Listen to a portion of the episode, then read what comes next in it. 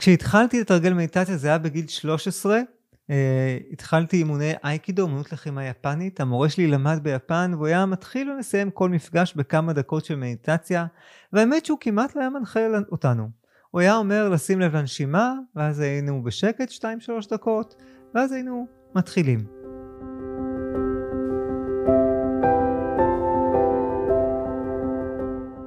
היי, אני ניר קראוזה, ואתם איתי בפודקאסט כל המיינדפולנס. שבו אנחנו מפרקים את הסטרס לחתיכות וממלאים את המרחב בשלווה, שיח מדעי ואורחים מרתקים. הישארו, יהיה מרגיע. אחת השאלות ששואלים אותי זה איך אפשר? איך אפשר להצליח לתרגל כל יום מדיטציה? אנשים כבר מבינים, מבינים שמדיטציה טובה להם, מבינים שהיא משפרת את הבריאות, משפרת את הריכוז, שאחרי שהם מתרגלים מדיטציה ויתרגלו מדיטציה מדי יום, הם ירגישו יותר טוב, יהיו שמחים יותר. אבל עדיין, עדיין מאוד קשה להפוך את התרגול למשהו יומיומי. אז איך אפשר להקדיש זמן לתרגול מדיטציה מדי יום? איך אפשר להתמודד עם האתגר הזה של להפוך את המדיטציה לחלק מהחיים שלי? עבור הרבה אנשים הדרך הכי קלה תהיה להפוך את המדיטציה להרגל. יש לנו היום הרבה הרגלים בחיים. אני מניח שכמעט כל מי שמקשיב לי עכשיו מצחצח שיניים בבוקר ובערב. למה אתם חושבים שאתם מצחצחים שיניים? אז סיבה אחת זה כמובן כדי לשמור על השיניים שלנו. אבל הסיבה השנייה, ואולי יותר נכונה מהראשונה, היא כי אנחנו רגילים. התרגלנו לצחצח שיניים בבוקר ובערב, ועכשיו אנחנו עושים את זה כמעט כל יום.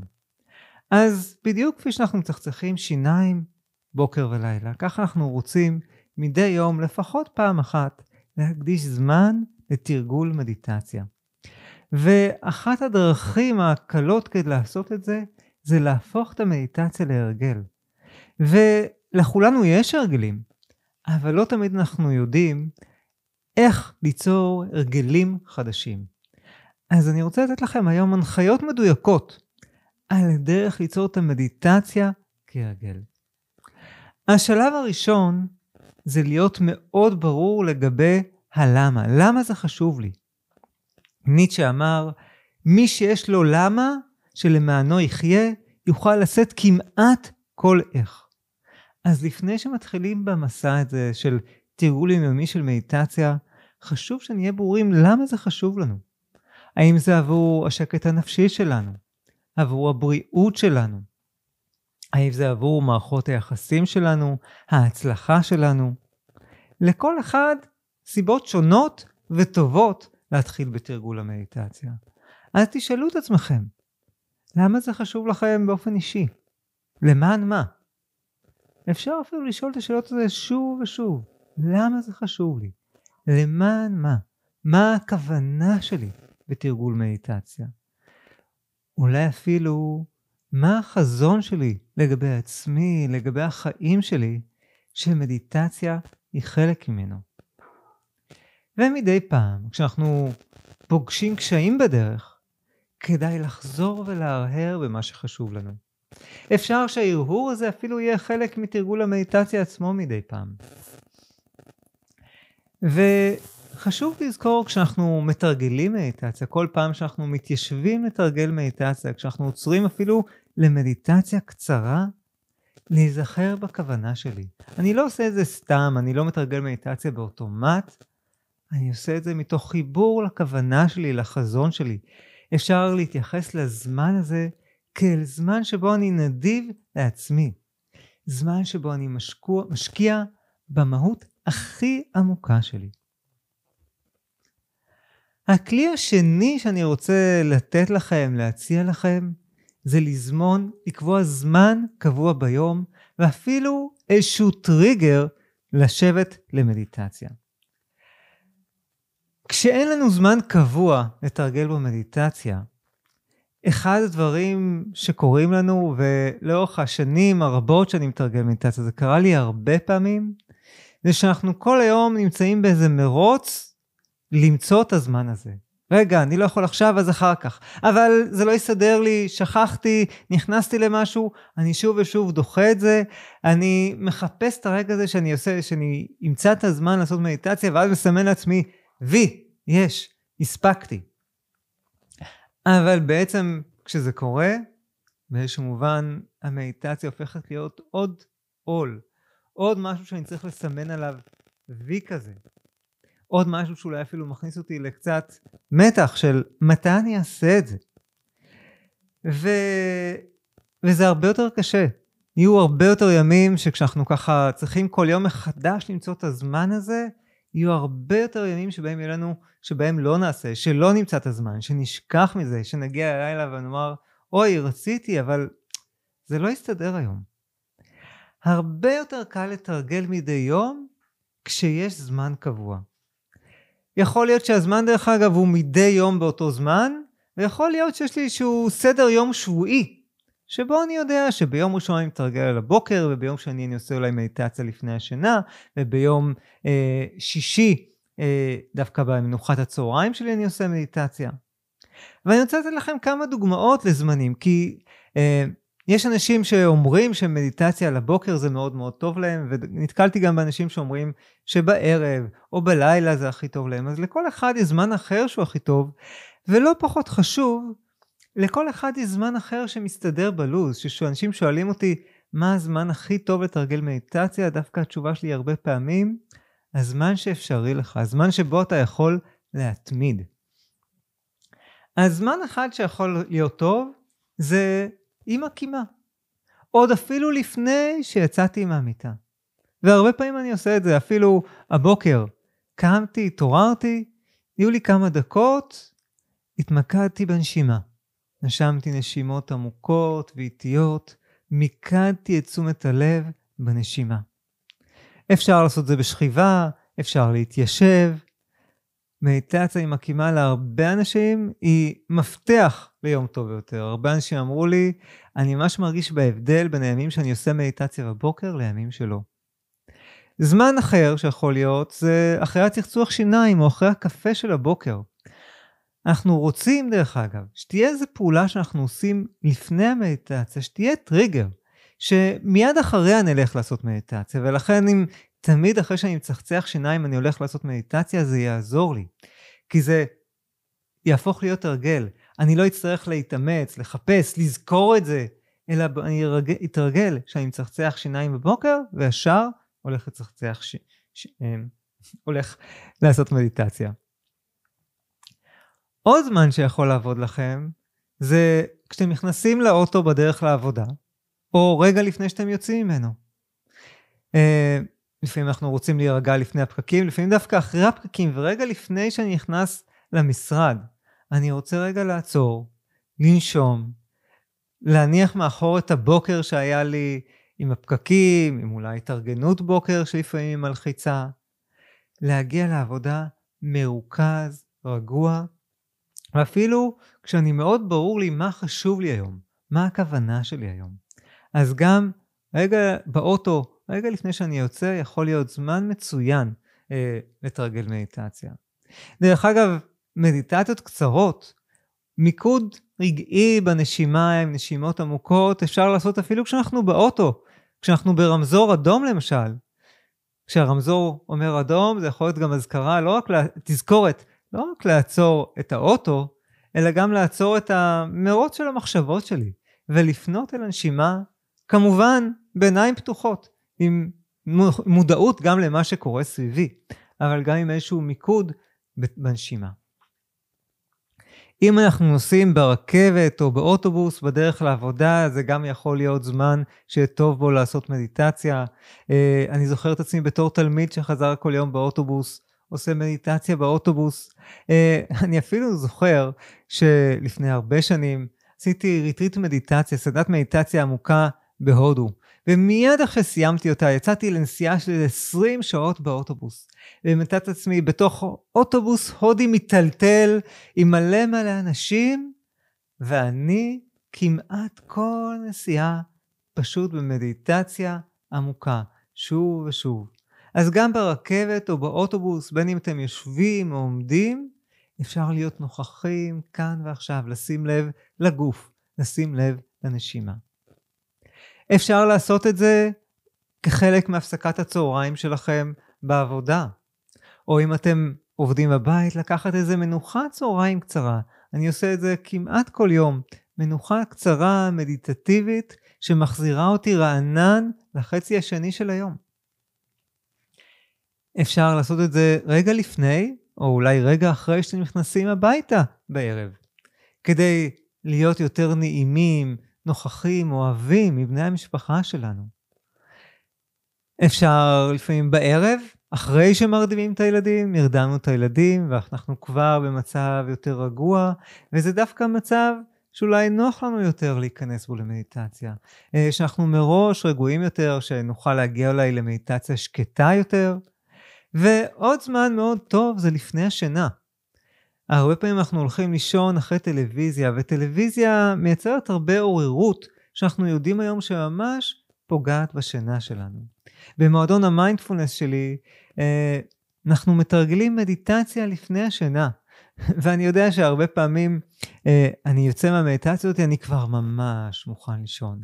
אז אפשר לתרגל מדיטציה של הרפאיה של הגוף, של תשומת לב לגוף, אה, לפני השינה, והיא תעזור לנו לישון שינה הרבה יותר עמוקה.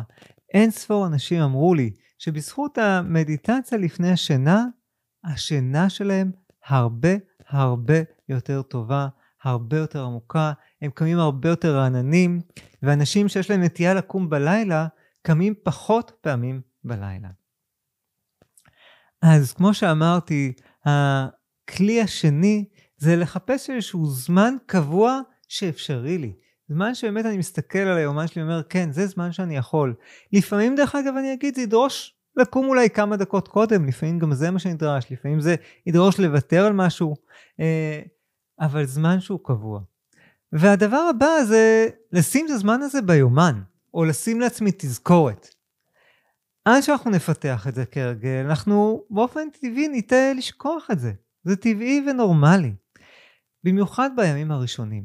אז כדאי שיהיו לנו תזכורות, זה יכול להיות פתק, אם אני רוצה לצח... לעשות מדיטציה אחרי צחצוח שיניים, אולי אני אשים פתק על המראה, ללכת לעשות מדיטציה, שכשאני אסיים צחצח שיניים אני ישר אראה אותו והוא יזכיר לי.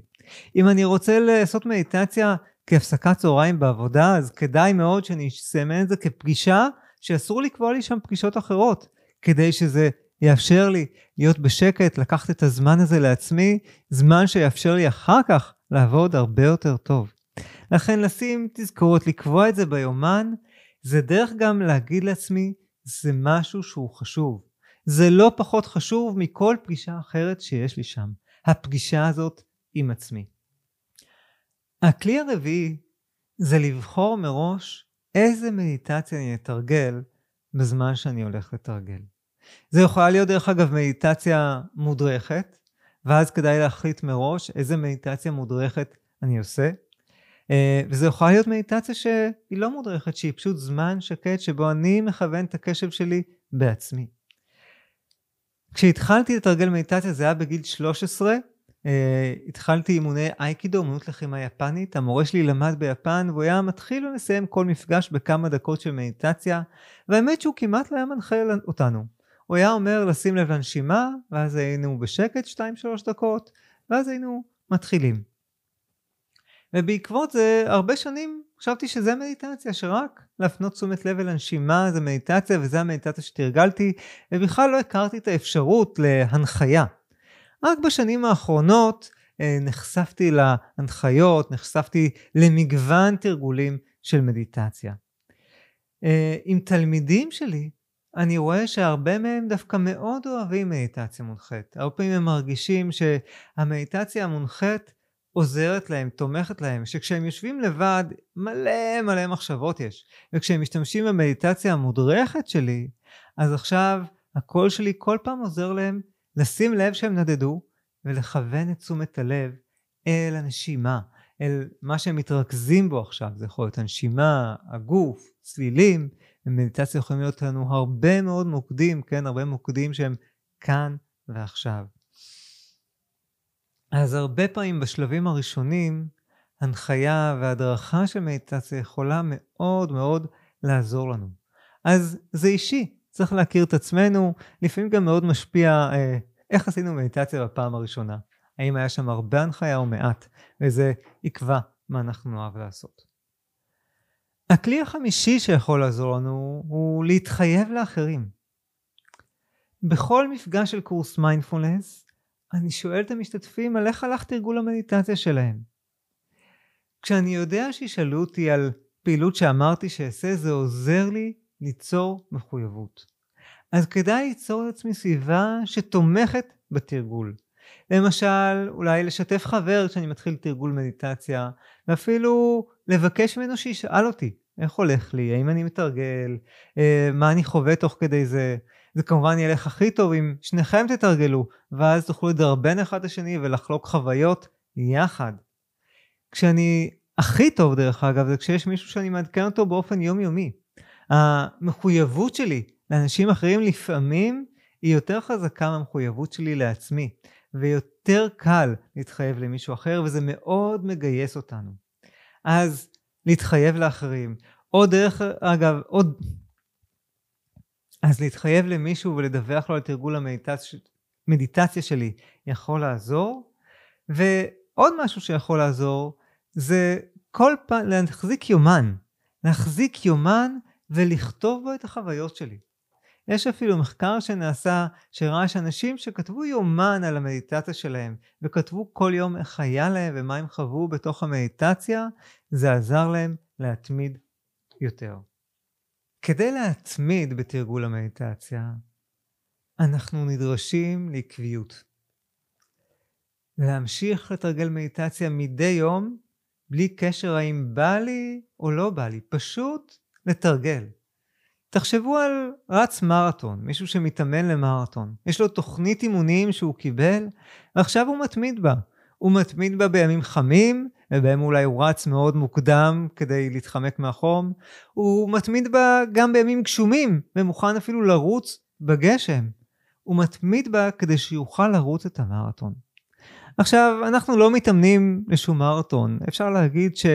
החיים עם האתגרים שמספקים הם המרתון שלנו. אבל עדיין אנחנו רוצים להתמיד בתרגול המדיטציה, שיכול לעזור לנו בהתמודדות עם כל הקשיים שיעלו בחיים שלנו. ואחד הדברים שבאופן פרדוקסלי יעזרו לנו בקביעות, זה דווקא גמישות. ואני רוצה לדבר על שני סוגים של גמישות.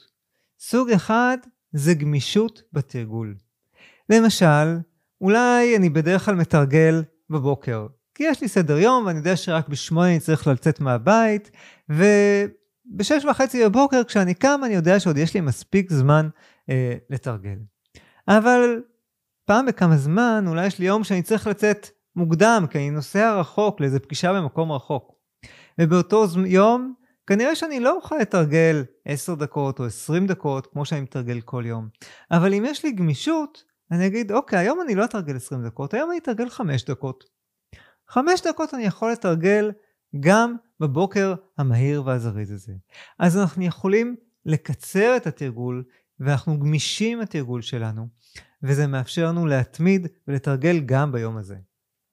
וסוג אחר של גמישות, הוא שאם יש יום שפספסתי, שלא יצא, לפעמים כשאנחנו מפספסים את ה... אה, את הרצף, אנחנו מתעצבנים על עצמנו, מרגישים אשמה, ואז מוותרים לגמרי. והגמישות פה היא, אם יש יום שפספסתי, להגיד לעצמי, לא נורא. כל יום הוא יום חדש. עכשיו אני יכול לתרגל את המדיטציה, למחרת לחזור ולתרגל מדיטציה. גם אם פספסתי יום, זה לא אסון, זה לא נורא. אני יכול לחזור ולמחרת לתרגל את המדיטציה. להיות סלחניים לעצמנו, גם לקבל התרגול, שהוא לא יהפוך להיות משהו שהוא כבד, שמכביד עלינו. אבל כן, להתחבר שוב ושוב לכוונה שלנו, לחשיבות של זה בחיים שלנו, ולהתמיד כמה שאנחנו מצליחים. אפילו לעודד את עצמי על כל פעם שעשיתי, כל פעם שעשיתי להגיד בסוף לעצמי, תודה ניר, כל הכבוד, כל הכבוד שלקחת עכשיו את הזמן לתרגל שקט, שלווה, ריכוז, מיקוד, מודעות. כל הכבוד שאתה עושה משהו שהוא בצורה כל כך עמוקה למען עצמך.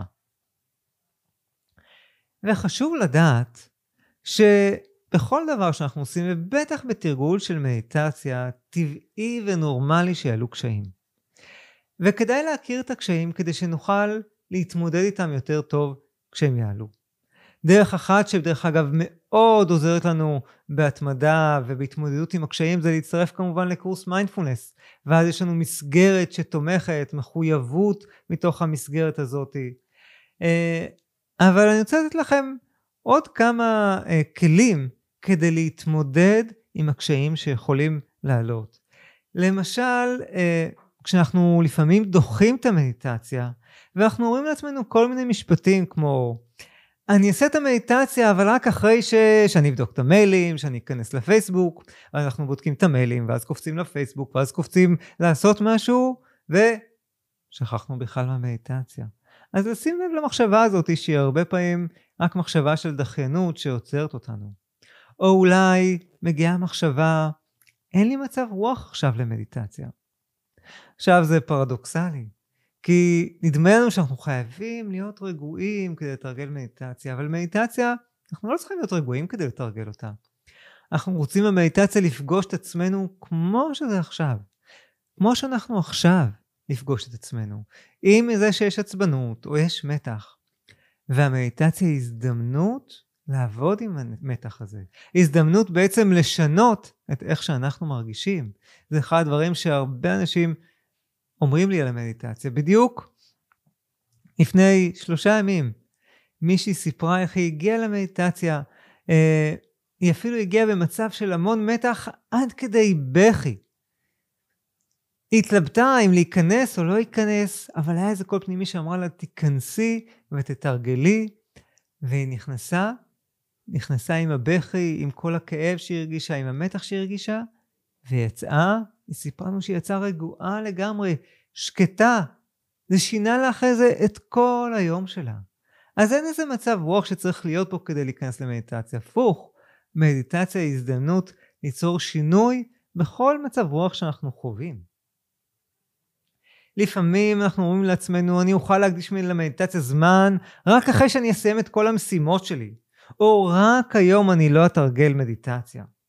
או לפעמים דווקא אומרים לעצמנו, אני לא בסדר שלא עשיתי אתמול מדיטציה, ואז אנחנו מתחילים להרגיש אשמה ורגשות אשמה שאנחנו כל כך בתוכם, שאנחנו בכלל מוותרים על תרגול המדיטציה.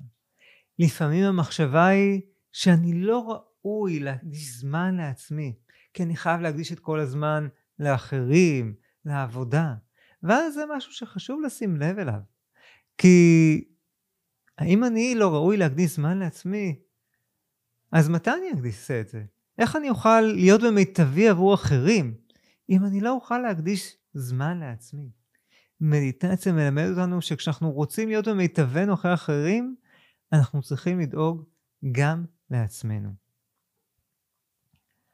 אז ההזמנה שלי לשים לב לכל המחשבות האלה, המחשבות האלה שיכולות להסיח את דעתנו, יכולות uh, לעצור אותנו בדרך לתרגול המדיטציה, ולהניח להם. ובזמן שקבענו לעצמנו, או בזמן שאפשרי לנו, לעצור, לשבת לכמה דקות של תרגול מדיטציה.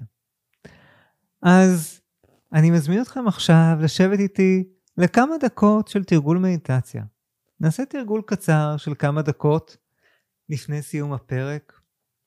אתם מוזמנים לשבת ישר, אפשר לעצום עיניים ואפשר להישאר עם עיניים פתוחות. וקודם כל לשים לב. נשים לב מה לקחתי מהפרק הזה. מה מהדברים נגעו בי? מה אני לוקח לחיים שלי?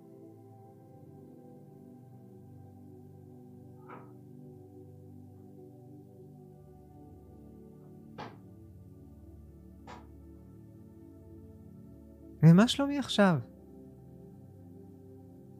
מה יש עכשיו? להביא קבלה וסקרנות אל החוויה הנוכחית.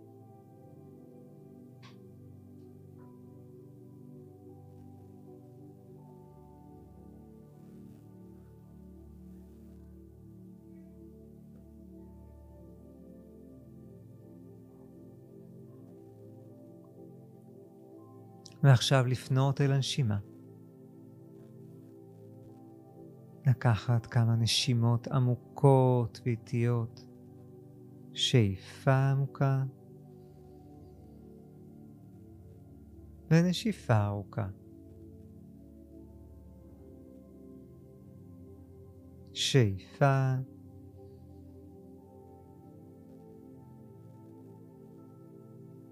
ונשיפה. שאיפה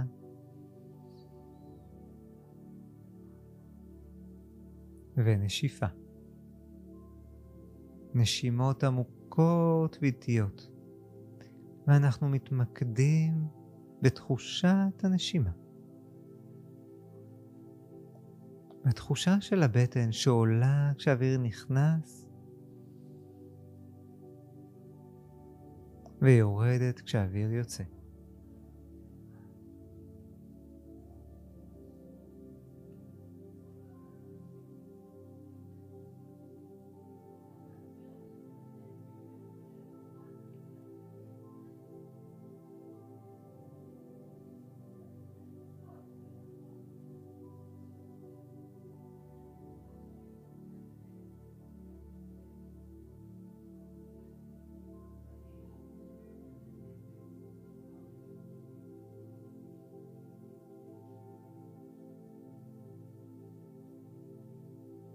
אפשר עכשיו להרפות מהמאמץ לנשום עמוק.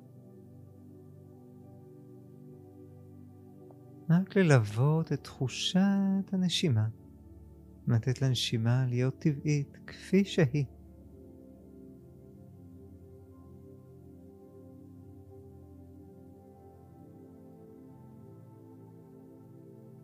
כשמחשבות מגיעות, זה טבעי ונורמלי. ברכות ונחישות חוזרים אל הנשימה.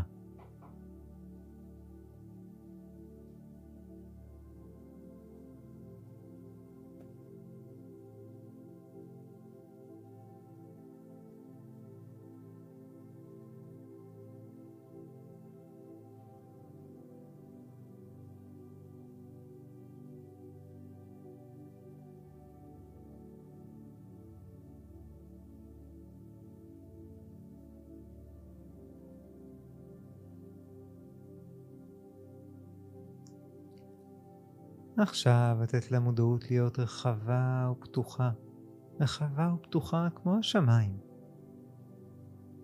אנחנו מודעים למחשבות, רגשות, תחושות, צלילים. הם באים והולכים כמו עננים בשמיים.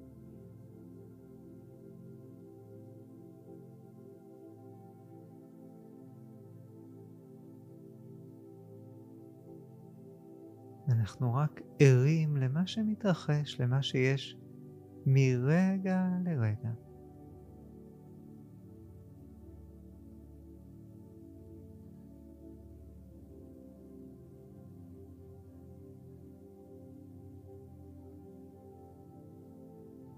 ועכשיו אפשר לשאול, מה הכוונה שלי עכשיו?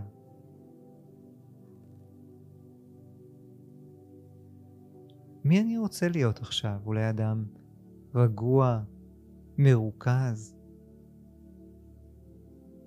מחייך.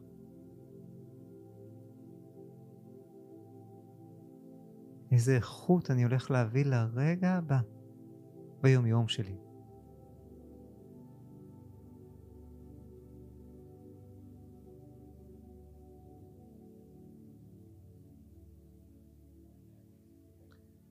ועכשיו אפשר לאיזה אצבעות, לפתוח עיניים, להתמתח.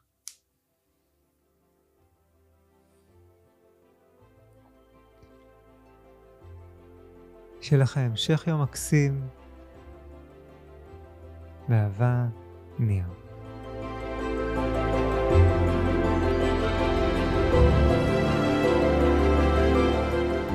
זהו, עד כאן לפרק של היום. אם אהבתם את הפרק, אל תשכחו לדרג את הפודקאסט באפליקציה או בפלטפורמה שדרכה אתם מקשיבים לנו. עכשיו ייצרו רגע. חישבו על חבר או חברה שלכם שגם הוא זקוק לקצת רוגע ושלווה, להפחית את הסטרס. שילחו להם את הקישור לפרק הזה. הם יודו לכם. עד לפעם הבאה, באהבה, ניר.